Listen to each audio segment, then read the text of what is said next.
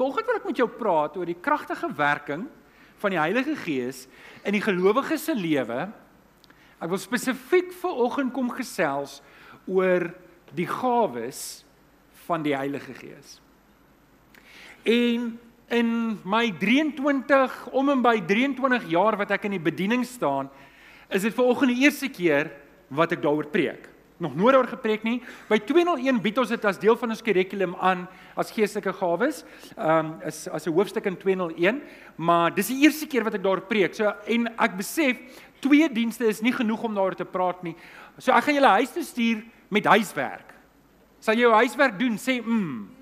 OK, wonderlik. Die huiswerk is lees deur alles wat in die boekie staan. OK. OK, hy, jy het jou huiswerk gekry. So kom kom ons praat volgende daaroor. So ek gaan vir die volgende 2 weke gaan ons stil staan oor hierdie onderwerp spesifiek oor die gawes van die Heilige Gees. En ehm um, volgende week gaan ek met jou praat oor oor hoe hoe om dit te ontdek en hoe om dit te gebruik en ons gaan mooi daaroor praat en dit gaan nie die tradisionele manier wees nie. Maar vir oggend is my 'n baie belangrike boodskap en ek wil hê jy moet nou diep asemhaal. Ons het al die vars lug ventilasie aan sodat ons maksimale is dit die regte woord suurstof hier binne kan wees dat jy kan wakker wees want vir oggend gaan ek die tafel dek vir wat dit beteken in 'n gemeente om die geestelike gawes te gebruik. En die goeie nuus is ons doen dit reeds.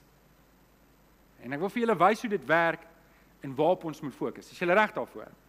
So laasweek was die tema die vrug van die Gees. Nou, die vrug van die Gees is die karakter van die Here Jesus in ons. Wanneer ek die Here Jesus aanneem, ontvang ek die volheid van die Heilige Gees en van daardie dag af, van my wedergeboorte af, begin die Heilige Gees in my werk en in my skaaf sodat ek al meer begin lyk like soos die Here Jesus. Nou daai is die vrug van die Gees. Dis hoe Jesus lyk. Like. Die die gawes van die Gees, die gawes van die Gees is wanneer die Heilige Gees deur my werk binne in die gemeente om God se koninkryk te bevorder. Verstaan julle die verskil tussen gawes en vrug? So vrug is Jesus se karakter in my, gawes is God se kragtige werking deur die Heilige Gees in my met gawes waarmee ek moet bedien en dis waar ons ver oggend gaan praat. So, wanneer dit kom by die vrug, ek moet die hele vrug hê. Die vrug is liefde. Dis waar ons laasweek gepraat het, die vrug is liefde. Maar nie een van ons wat hier sit het al die gawes nie. So alhoewel ek al die vrug moet hê, gaan ek nie al die gawes hê nie. En dis iets wat ons dalk moet nou verstaan. Nou wil ek kyk, as jy nog by tot hier toe, wat as jy my nou verloor het, dan as jy agter, dis soos om wiskunde in standaard 6 nie te maak nie. Dan gaan jy forget, jy gaan nie matriek maak nie. Is almal by? Moet julle stil vir oggend, ek is nou op my sene wees. OK. Kom ons staan op. Kom ons staan op en praat ons saam. Staan saam met my op. Staan saam met my op en bely ons saam. Dis wat ons glo, dis wat ons is. Dis wat die Here van ons sê. Sê saam met my, dit is my Bybel. Ek is wat dit sê ek is. Ek het wat dit sê ek het. Ek kan doen wat dit sê ek kan doen. Met my mond bely ek. Met my hart glo ek dat Jesus die Here is. Amen. Amen. Jy kan jou sitplek inneem en vanoggend kan jy jou Bybel oopmaak by 1 Korintiërs 12 en ons gaan net die eerste 7 verse lees. Die eerste 7 verse lees daarso 1 Korintiërs 12 vanaf vers 1. En dan wil ek vir almal aanlyn sê baie welkom. Baie welkom. Um vriende, dis nogal interessant. 38% van almal wat kyk is nie subscribe nie. Het julle dit geweet? 38% van almal wat hierdie spesifieke video gaan kyk is nie subscribe nie. So ons kort 120 subscribers dan breek ons 6000. Hoe cool is dit? So as net as net 120 van die 240 wat gaan kyk wat nie subscribe is nie vandag subscribe breek ons 6000. Wat hoekom wil ons dit breek? Ek weet nie. Maar 6000 is so mooi rond, dis 6 met 3 nulle. Uh so so ag vriende, ek speel sommer maar uh subscribe daarso, druk op die like knoppie, is 'n maklike manier om vir YouTube te sê hierdie inligting is belangrik. Baie welkom, dankie dat jy ingeskakel het en ons beskou jou net so deel van hierdie gemeente soos wat almal hier is. So vriende, vir julle ook sommer net welkom weer eens. OK. 1 Korintiërs 12 vanaf vers 1 1 Korintiërs 12 vanaf vers 1 En vers 1 gaan ek die hele tyd terugkom want hierdie is die belangrikste van die sewe verse. OK. Paulus skryf aan die Korinte en hy begin hoofstuk 12, 13 en 14 wat gaan rondom die geestelike gawes en hy sê hierdie woorde. Hy sê hierdie woorde. Hy sê wat die gawes van die Gees betref, broers, wil ek hê dat julle ingelig moet wees. Wat moet ons wees? OK, ons gaan dit 'n paar keer doen vanoggend. Wat moet ons wees? Ingelig. Dit beteken ons moenie onkundig wees, ons moenie dom wees nie. Ons moet doelgerig ingelig wees. Ek dink baie keer gaan soek ons die inligting net op die verkeerde plek en ons gaan grawe op verkeerde plekke rondom hierdie onderwerp. En die volgende 6 verse is presies waaroor dit gaan. So as Paulus sê, luister broers, ek wil hê jy moet ingelig wees rondom die volg, rondom die geestelike gawes, moet dan nie na ander plekke toe gaan nie. Lees net verder want hy gaan nou presies hierna sê, wat is die inligting wat hy wil hê jy moet hê? Is jy reg hiervoor? Hy gaan dit nou self verklaar. Moenie rondblaai in jou Bybel nie. Bly net hier. Kom ons lees net die volgende verse. Is julle nog in julle Bybels? Hy gaan verder. Hy sê: "Julle weet dat toe julle nog heidene was, julle blindelings na die stom afgode meegevoer is. Dis nou BC, before Christ, voordat jy Jesus ontmoet het. Daarom wil ek hê dat julle moet weet dat iemand wat sê vervloek is Jesus, nie deur die Heilige Gees van God praat nie. En niemand kan sê Jesus is die Here nie behalwe deur die Heilige Gees. Nou julle moet verstaan, hierdie was 'n gemeente wat hoofsaaklik maar Grieks was en dit was baie heidene om hulle en baie van hulle het in 'n uh, het in 'n het in meer gode geglo. Hulle het in hulle het in verskeidenheidsgode geglo. So Jesus was nie vir hulle spesiaal nie. En die gawes wat hulle gesien het manifesteer in die gemeente, het hulle nageboots ook in hulle heidense kulture. So met ander woorde wat hier wat wat Paulus hier sê, is hy trek die lyn. Hy sê, luister, hierdie gawes waarvan ons nou gaan praat, is uitsluitlik vir mense wat gered is, wat weergebore is, wat bely dat Jesus Christus die Here is. Ons het dit nou net bely. Met my mond bely ek dat Jesus die Here is. Jy kan dit nie sê uit jou hart uit sonder die Gees wat in jou werk nie. Nou begin hy. So hier's nou hier's nou hier's nou drie verse wat baie belangrik, vier verse wat baie belangrik is waarop ons gaan tyd spandeer volgende. Ons gaan na hierdie volgende vier verse kyk en dis my hoofpunte. Daar is 'n daar is 'n Daar is 'n verskeidenheid van genadegawes, maar is dieselfde Gees wat dit gee. Daar is 'n Daar is 'n verskeidenheid van bedieninge, maar dit is dieselfde Here wat die opdrag gee. Daar is 'n Daar is 'n verskeidenheid van kragtige werkinge. Um maar dit is dieselfde God wat alles en almal tot stand bring. En dan vers 17 wat sê aan elkeen afsonderlik word 'n werking van die Gees gegee tot voordeel van almal. Okay, so julle het dit. Dit is ons dis ons teks vir oggend. Die tema waar ons vir oggend praat is God se kragtige werking in ons lewens en jou lewe en in my lewe en ons praat rondom die gawes van die Gees. Is julle wakker? Is julle reg om te skryf op julle raamwerke? Wonderlik. Kom ons spring weg. Ek wil vier gedagtes uit hierdie teksgedeelte met julle lees. Ons gaan stil staan op hierdie teksgedeelte wat ons dit noem in teologiese terme. Ons noem dit 'n e, eksposering van die teks. Dit beteken jy vat die teks en jy kyk na sy betekenis en jy breek dit oop en jy bly op daai spesifieke teks. So dis wat ons vanoggend gaan doen. Ons gaan net fokus op hierdie spesifieke teks van in vers 1 tot 7 rondom die gawes. OK. Kom ek kry gou eers almal se oë. Volgende week gaan ons praat rondom ontdek en gebruik jou gawes. Dit is belangrik, maar dit is nie so belangrik soos vanoggend nie. Bestuur ek die verwagting goed? Vanoggend is belangrik, okay? Want as jy vanoggend se boodskap mis rondom geestelike gawes, dan gaan jy van iets van geestelike gawes maak wat dit nie bedoel was om te wees nie. En baie kerke doen dit en dan begin die geestelike gawes meer 'n show raak en dit begin meer raak oor ek en wat ek wil doen en kyk hoe grand is ek en en en dis presies wat in hierdie gemeente gebeur. Dis hoekom Paulus hierdie skryf om die regstellings te maak en dis wat ek hoop om te doen dat ons die tafel sal dek wat geestelike gawes is, wat dit wil doen en hoe ons dit moet gebruik voordat ons kom by wat dit is, die geestelike gawes in itself. Is jy reg? Alraai. So, nommer 1. Daar is 'n verskeidenheid van geestelike van genadegawes. Daar's 'n verskeidenheid en ehm um, wil jy net gou weer daai woord verskeidenheid sê? Daar's 'n verskeidenheid en en daai woord beteken iets. Wat beteken daai woord? Beteken ons baie. Daar's verskillende tipes, baie verskillende soorte. Nou, Paulus sê in 1 Korintiërs vers 1, ek het gesê ek gaan teruggaan hiernatoe, wat die gawes van die Gees betref, broers, wil ek hê dat julle dat julle nee man, julle help my nou nie. Wat die gawes van die Gees betref, broers, wil ek hê dat julle Julle moet ingelig wees, dit beteken julle moet dink daaroor, julle moet weet wat dit beteken, julle moet weet wat om daarmee te doen. Nou vers 4 sê, daar's 'n verskeidenheid van genadegawes, maar dis dieselfde Gees wat dit gee. So dit is hoekom ons dit geestelike gawes noem. So ek wil hê julle moet weet ek gaan twee woorde sinoniem gebruik met mekaar en dit is geestelike gawes en genadegawes gaan ek om die beurt gebruik, maar jy moenie wonder wat bedoel die een en wat bedoel die ander nie. Dit is presies dieselfde ding. Ek kon myself net nie in my voorbereiding kry dat ek een gebruik en daarbey bly nie. So ek gaan dit om die beurt gebruik en dit beteken dieselfde ding. Daar's 'n rede hoekom ek die een partykeer gebruik en 'n rede die ander een net om dit te verklaar. So, wat die gawes betref, moet ek julle vra, hoeveel gawes is daar? Dis die regte antwoord, maar julle is te vroeg op my met daai ene. So, hoeveel gawes is daar? Daar is 'n Daar's 'n verskeidenheid gawes, né? Hang af hoe jy tel, party mense kry 16, party kry 18 en party kry 20. Hang af hoe jy tel en hang af wat jy tel. Maar maar julle vanoggend toe ek klaar voorberei het en ek so pad kerk toe, besef ek daai's nie die regte woord nie. Fanaties is nie die regte woord nie, noukeurig is die regte woord. Noukeurig is die regte woord. In die Nuwe Testament was hulle baie noukeurig om te tel.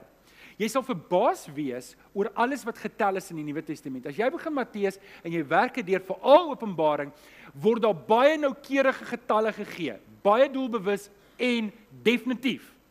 Kom ek gee vir julle 'n paar voorbeelde. In Handelinge 6 weet ons daar was hoeveel apostels? Daar was 12 apostels. In Handelinge 2 hoeveel mense kom tot bekering? Is dit lekker as die antwoord op die bord is? Weet jy jy kon so eksamen skryf, nê? Nee? Um in Matteus 14 voer daar voer Jesus 5000 mense. Hoeveel gawes is daar? 'n Verskeidenheid. So hoor julle dis nie getel nie. Dis nie getel nie. In 'n Nuwe Testamentiese konteks waar die skrywers weet om te tel en te weet dat noukeurige telling gee beslis definisie word die gawes nie getel nie. Daar word nie gesê hoeveel gawes daar is nie, dit word net nie genoem nie. Om die waarheid te sê, ons weet nie hoeveel gawes daar is nie en ek gaan 'n bietjie 'n punt maak daarvan sodat ek en jy moet weet die antwoord op hoeveel gawes is daar, daar is 'n verskeidenheid. Ja, dis lekker, ek kry hoendervleis. Um so, daar's hy, daar is 'n verskeidenheid. Jy het daai antwoord vroeg gevang, né? Nou, ek wil 'n groot geheim vir julle gee. En miskien moet jy dit iewers neerskryf. En hier is die groot geheim. Die Gees gee vir die gemeente wat die gemeente nodig het.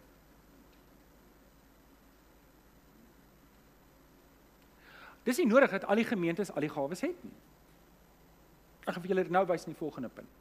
OK, so dis punt nommer 1. Ek dink daai punt is duidelik, daar's 'n verskeidenheid van gawes. Dit het ons is almal tevrede, daai punt is gemaak. Want ek gaan nou al na die volgende punt toe, maar julle moet hierdie eerste punt goed verstaan voordat ons kan aangaan na die volgende punt toe. En al wat jy hoef te weet vir die punt nommer 1 is daar's 'n verskeidenheid van gawes. Is julle tevrede met hom?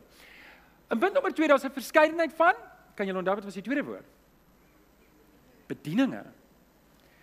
En as die bedieninge wat die gawes definieer, dan gaan julle nou verduidelik hoekom.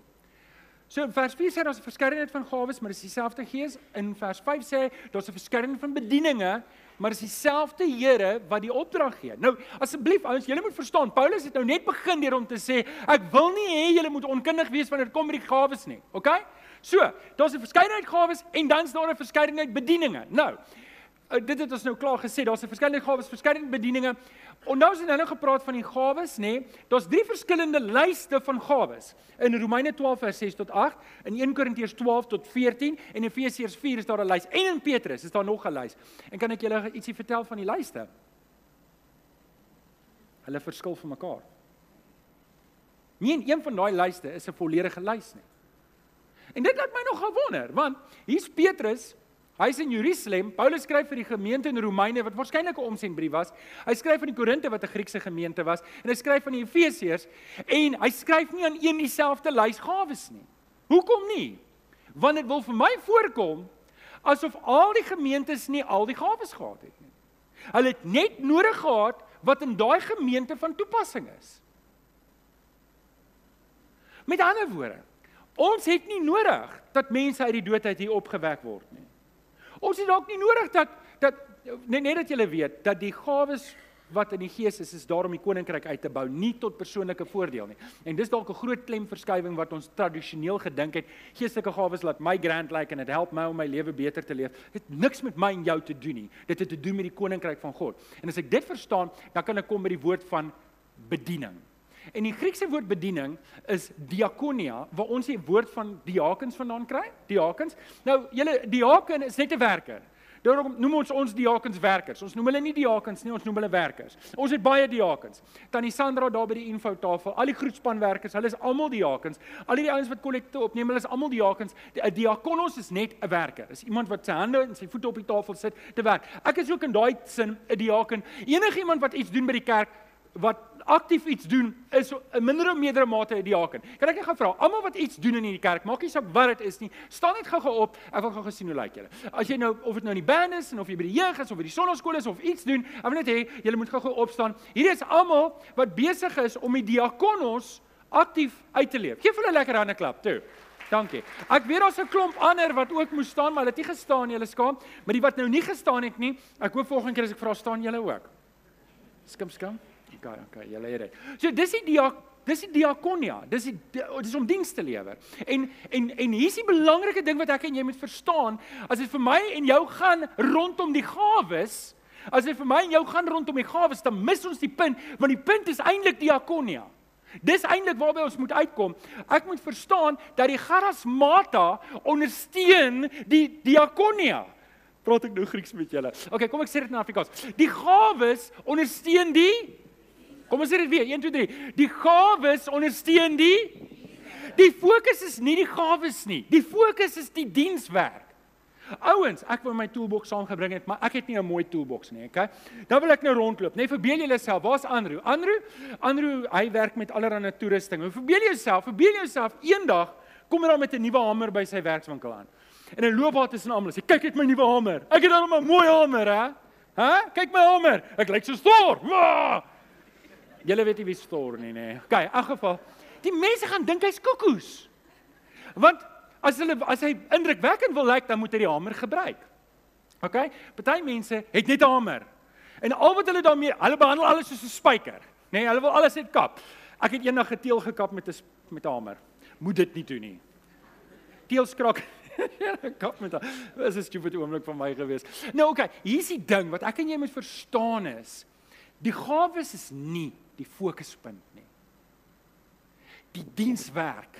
Ek moet streef om 'n diakonos te wees, nie om die charismata te hê in dit self nie. Onthou, hierdie vers het begin waar Paulus sê ek wil hê julle moet ingelig wees. Wat is die inligting wat Paulus gee? Ja, die gawes word gegee deur die Gees. Maar vir watter doel? Wat is die punt hoekom ek en jy die gawes kry? Sodat ons kan dienswerk doen. OK. So, Volgende week gaan ons hieroor praat. Ek gaan nou nie daai punt vooruit hardloop nie. Maar die gawes moet ek gebruik om te dien. Nie om te brag nie, maar om te dien. So, daar's 'n verskeidenheid van gawes vir 'n verskeidenheid van werk. Wat wil die Here hê moet ek doen met my gawes? Ek moet dit moet dit gebruik. Ek moet daarmee werk. Ek dink julle stem saam. So hier's 'n groot geheim. Hier's 'n groot geheim. En nou gaan ek 'n kans waag. Nou gaan ek 'n kans waag, maar ek wil julle moet hoor wat ek daarmee probeer sê. Ons lewe in 'n tyd waar daar baie nuwe bedienings is. Die tyd waarin ons nou leef lyk baie anders as die tyd waarin Paulus geleef het. In Paulus hulle se tyd moes die Heilige Gees die gemeente op ander maniere toerus om die mense van die tyd te bedien. Dink gou mooi daaroor. God het die mense toegerus om hulle in daai Romeinse Griekse tyd te bemagtig om te werk. Hulle het nie meer geleef in Moses se tyd. Die tegnologie en alles wat van daai tyd daar was, het Jesus gebruik om die mense te bedien van daardie tyd. Net so gaan die Heilige Gees die toerusting wat tot ons beskikking is vandag gebruik om die mense van ons tyd te beweeg.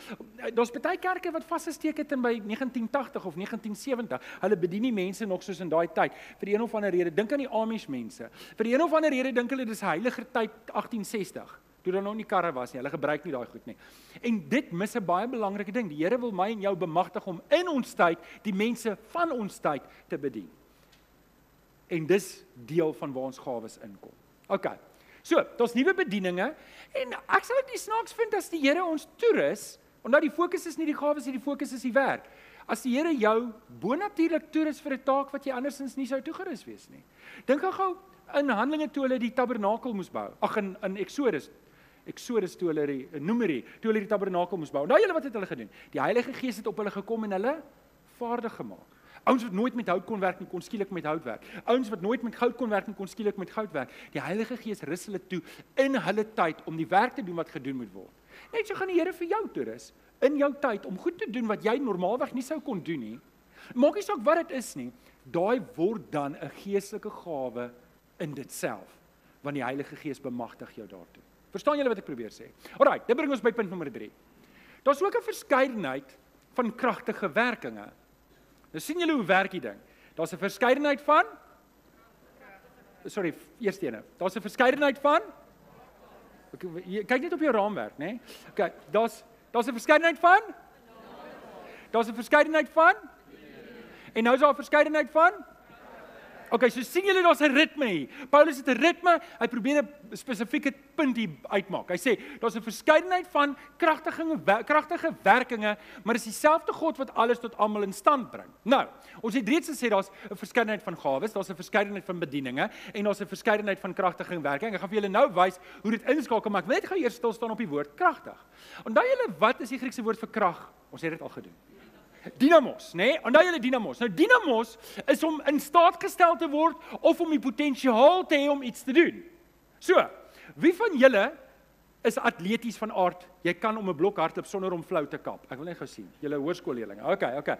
Maar jy sit nou op die oomblik op 'n stoel. So jy's nie nou besig om te hardloop nie, reg? Maar jy kan. Jy het die potensiaal. Net so, dinamiet het die potensiaal om te ontplof, maar dit het nog nie ontplof nie. Dit het die potensiaal. Maak dit sin? Ek het 'n punt wat ek wil maak is want as die dinamiek klaar ontplof het, dan is dit verby. Hy kan dit weer doen nie. Hy kaboom een keer en dan is dit verby. Hy kan nie twee keer nie. Jy stem saam. So dit gaan oor die potensiale energie wat in dit sit. Dinamos. Maar die woord wat hier gebruik word rondom die kragtige kragtige werking van die Heilige Gees is nie dinamos nie. Dis die woord energen. Al ooit gehoor van die woord energen? Wie van my sê kan soos wat klink dit? Energie. Het julle hom? Dis die Griekse woord wat gebruik word. Nou, ek moet kritiek gee, ag kritiek. Sorry, krediet. Gee aan nie Plato nie. Wat is Aristotel? Aristotel het so 350 voor Christus geleef. Hy was nie 'n Christen sover ek weet nie. Hy kon nie 'n Christen wees nie want hy was voor Christus. Maar hy hy het nie regtig geglo in God nie. Maar Die Griekse taal was is 1300 voor Christus. So die taal was al 'n bietjie oud, maar omdat baie mense ongeskool was, was daar ouens soos Aristoteles nodig om woorde te verklaar. Nou kan jy dink aan 'n Griekse taal waar daar 'n klomp mense is om die verskil tussen dynamos en energen te verduidelik, het jy iemand soos Aristoteles nodig wat 'n filosoof is om te sê hierdie woord beteken dit en hierdie woord beteken dit. In 350 voor Christus het het Aristoteles al gesê daar's 'n verskil tussen dynamos en energen en ek moes dit net vir julle sê want dit is interessant toe ek voorberei het, het ek sy foto uitgehaal. Toe dog ek ek gaan nie daaroor praat nie, maar toe dog ek ek wil in elk geval daaroor praat. So okay. Energen is die waar ons die woord energie of energema is dan waar ons die woord energie vandaan kry en dit is die aktiewe uitvoering van iets. So met ander woorde, dinamiet het die potensiaal om te ontplof, maar wanneer dit ontplof, stel dit energie vry. Maak dit sin? So die een is potensiaal en die ander een is aktief en hierdie woord wat Paulus hier gebruik is om te sê die Heilige Gees bekragtig my en jou nie om die werk te kan doen nie, maar om dit te doen. Kan jy hoor daar's 'n definitiewe klemverskywing van om 'n gawe te hê om met jou hamer rond te loop en kyk my grand hamer en om dit te gebruik en om dit te gebruik. En dis waar die Here vir my en jou wil hê. Nou hierdie is alles boublokke En ek weet dit is 'n bietjie informatief en ek weet dis nou nie 'n weet 'n preek wat jy sommer net kan gaan toepas nie. Ek dek die tafel eintlik vir volgende week sodat jy kan verstaan hoe die geestelike gawes werk. Want ek word dinge word baie daar buite gesê rondom geestelike gawes en baie word gesê hoe om dit te kry en hoe om dit te gebruik en maar ek dink ons word meer die mekaar gemaak en dit word meer 'n show as wat dit enigiets anders is. So, dis hoekom vanoggend se boodskap hier is om dit alles in konteks te sit binne 1 Korintiërs 12 vers 1 tot 7. Nou, Kom ek sê dit vir julle net almal saam voordat ons by die laaste punt kom. God rus ons toe met hierdie verskeidenheid van gawes om wat mee te doen? Om 'n verskeidenheid bedieninge mee te doen. Hoeveel bedieninge is daar? Verskeidenheid. In ons kerk het ons 'n groetspan. Dis 'n bediening. Ons het 'n fotospan. Dis 'n bediening. Ons het die musiekspan. Ons het die sit die kaartjie en sweetie op die stoelspan nê? Nee? Ons het die koffiespan, ons het die sonnaskoolspan, ons het 'n preekspan ook. Ehm um, en so het ons verskeie spanne wat allerlei goeders doen en die gawes kom nie eerste nie. Die gawes is net die toerusting om die werk mee te doen. Die werk is die belangrike ding. En wanneer ons die werk doen en hier's waar ek nou wil uitkom, dis wanneer God se Gees die energie gee. Met ander woorde, wat ek doen is, ek is getrou. Ek daag vandag op en ek sê, Here, hierdie was 'n vrot week, was nie 'n lekker week nie. My baas het my uitgeskel, my pap, my wiel was pap geweest. Daar was ekstra geld uit my kredietkaart uit en dinge is net nie lekker nie, maar ek gaan opstaan en ek gaan bedien want ek is liewer vir U as vir enigiets anders hier op die aarde. En ek daag op en ek is getrou en ek doen die bietjie wat ek het om te doen en ek gebruik my gawe wat ek het al hoe klein of hoe groot dit ook al is en dan kom God deur sy gees en hy energize dit. Is ek duidelik genoeg met wat hierdie punt is. Hy gee dit energie.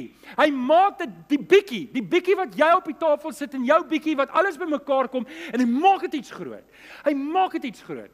Jou bietjie getrouheid, moenie onderskat wat God se gees deur dit kan doen nie. Wanneer God se energie deur dit vloei, begin daar goed gebeur in jou lewe wat nie jou gawes, jou talente, jou tyd, enigiets wat jy op die tafel gesit het match nie.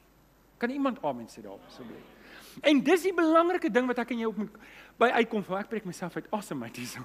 Dis die ding waar jy vanoggend moet uitkom om dit te verstaan. Fokus jy op die getrouheid. Fokus jy op die bediening. Sit jy net jou beste op die tafel en los dit vir die Heilige Gees om dit te doen. Moenie moenie gevoele, gevoelings en sê hoe ek het die Heilige Gees gevoel nie. Ek weet eers wat dit beteken nie. Ek weet nie wat dit beteken om die Heilige Gees te voel nie. Ek dink nie dis hoe dit werk nie. Nie volgens hierdie verse nie. Die Heilige Gees bekragtig ons om sy werk te doen. Ons moet opdaag en getrou wees. OK. Nommer laaste. Nommer laaste. Ken of jy kan regkry om vorentoe kom. En dit is alles tot voordeel van Ja, iemand het dit gesê koninkryk. Dit is dis voordeel tot die gemeente. Daai da hele teksgedeelte gaan, dis dieselfde gees wat al hierdie goeders gee, hoekom? Om die liggaam te bevoordeel. Wanneer die Here vir my 'n gawe gee om iets te doen, dan is dit nie om my persoonlik te bevoordeel nie. Dis daarom die gemeente te bevoordeel. En ek gaan net die volle voordeel daarvan geniet wanneer ek dit gebruik en deel is van die Gaan jy nog nie afskakel nie. Nog nie nog nie nog nie, nog net 3 minute. Bly nog. Ek gaan deel nie aan die voordeel as ek dit gebruik binne die gemeente. OK. Paulus sê in 1 Korintiërs 12 vers 1, ek het gesê ons gaan daarby kom. Ek gaan 'n woord uitlos, so julle moet hom insit. Wat die gawes van die Gees betref, broers, wil ek hê dat julle ingelig moet wees. OK, so hy sê dit. Nou vers 7, aan elkeen afsonderlik word 'n werking van die Gees gegee tot voordeel van almal. Nou later in Korintiërs 12 verdefinieer hy die almal. Hy noem dit die gemeente, hy noem dit die liggaam van Christus. En dis ons. Nou, kan ek net gou ietsie sê? Daar's daar's twee aspekte van die gemeente. Daar's die globale gemeente. Daar's die gemeente van Jesus wat wat wat die bruid van Christus is. Dis al die gelowiges oor die hele wêreld wat Jesus liefhet soos ek en jy. Maar dan is daar ook die gemeente in Korinte. Daar's die gemeente in Efese. Daar's die gemeente in Filippi. Daar's die gemeente in Jerusalem. Hulle almal is afsonderlike gemeentes wat deel is van die groter liggaam van Christus, maar hulle is ook gemeentes. Dis wat ons noem die lokale gemeente. So ons moet verstaan, hierdie is van toepassing op die lokale gemeente. Wanneer jy 'n gawe het, moet jy dit gebruik. En dan word jy 'n diakonos. Dis wanneer ek 'n diakonos word, wanneer ek net op die tafel sit wat ek het. En jy sê dalk my, "Maar Johan, ek ek weet nie, ek het nie 'n geestelike gawe nie." Maar kan jy iets doen? Kan jy iemand groet? Kan jy koffie maak? Begin iewers. Skakel in. Sê maar ek hou nie, ek hou nie van dit nie. Man, hou op om te dink aan waarvan jy hou en nie hou nie. Begin net iewers. As jy niks doen nie, is iets beter as niks. En jy gaan sien hoe die Here die energie vrystel wanneer my en jou hart is nie om deur mense gesien te word nie maar dit ons regtig my hande en my voete gee vir die koninkryk van die Here. So ons moet mense bedien. Ons ons die Heilige Gees bemagtig my bo natuurlik om die gemeente te bevoordeel. En hier is die punt wat ek wil maak. Ouens, as die gemeente wen, wen die koninkryk. As die gemeente wen, wen die koninkryk. As die gemeente verloor, dan lê die koninkryk daaronder. Jy dis onlosmaaklik van mekaar. God het besluit deur sy seun Jesus aarde toe te sien, aan die kruis te sterf in my en jou plek, dat wanneer ons hom aanneem, word ons deel van hierdie organisasie sy liggaam, die liggaam van die Here Jesus. En dis waar sy gees gaan werk, nie daar buite nie, in die gemeente. Daarom kry jy nie iets soos 'n lone ranger Christen wat op sy eie sy eie ding doen. Hy gaan al sy werk gaan gaan nooit ewigheidsimpak hê nie. Want dis nie hoe die Here dit gemaak het nie. Dink julle hierdie gemeente is perfek? Dis jammer dat julle nee sê ek en ek hoop julle gaan sê ja en sê ek is so jammer om julle te leer te stel maar dis nie hierdie gemeente is nie perfek nie. Maar ek maak nie saak nie, nie een van die Bybelse gemeentes was perfek nie. Wat belangrik was, is hulle het hulle hande en voete op die tafel gesit en hulle het ge, hulle het gemaak dat hulle tel dit wat hulle doen op die dag. En die Here het dit bemagtig met gawes en sy energie. En dit het 'n effek gehad dat ek en jy vandag kan lees oor hulle stories omdat hulle getrou was en hulle net opgedaag het op die dag. En dis wat ek wil hê ek en jy moet doen. Ek en jy moet opdaag ons moet ons ons moet dit wat ons het op die tafel sit dat die Here dit meer kan maak. Nou ek gaan jou vra vir huiswerk, gaan lees die hele 1 Korintiërs en 2 Korintiërs. Jy gaan dalk verstom wees oor hoe stukkend daai gemeente was. Dit was 'n regtig stukkende gemeente. En die Here het hulle gebruik. Wat vir oggend belangrik is is dat ek my eie agenda kry. Of my sê, Here, ek is hier nie vir myself. Ek is hier vir u koninkryk. Ek is hier vir u gemeente. Ek is hier om te dien. Ek is hier om my hande en my voete op die tafel te sit. Ek is nie hier vir myself nie. Wanneer ek daai ding doen, dan kan ek begin bid en vra, Here, wat wil U hê moet ek doen? Lei my deur die Heilige Gees. En elke keer gaan jy agterkom, die Heilige Gees gaan jou toerus om hierdie mense te dien. Amen. OK. So, ek maak klaar. Met hierdie vers. En volgende week gaan ons aan. 1 Korintiërs 12 vers 1. By die gawes van die Gees betref, broers, wil ek hê dat julle ingelig moet wees. Gaan doen die huiswerk. Volgende week praat ek met julle oor hoe ontdek ek en hoe gebruik ek my gawes. Kom ons bid saam. Vader, ek kom dankie vir die wonderlike wonderlike voorreg wat ons as gemeente het om om toegerus te kan wees deur die Heilige Gees met met geestelike gawes. Ons verdien dit nie, Here, en ons weet ook die gawe wat ek het reflekteer nie my getrouheid aan U nie. Dit reflekteer net U getrouheid teenoor die gemeente. En Here, in hierdie oggend kom bid ek dat U vir ons sal wys dat ons ons hande en ons voete sal sal vuil maak in die koninkryk. Dit sal sê, "Maar hier is ek. Ek wil werk vir U, Here. Ek wil gebruik word." En en en dat elkeen van ons verstom sal staan oor die energie wat U deur die Gees in ons vrystel wat ons nie geken het nie. Kom seën vir ons op hierdie pad. Ons bid dit in Jesus naam. Die kinders van die Here sê: Amen.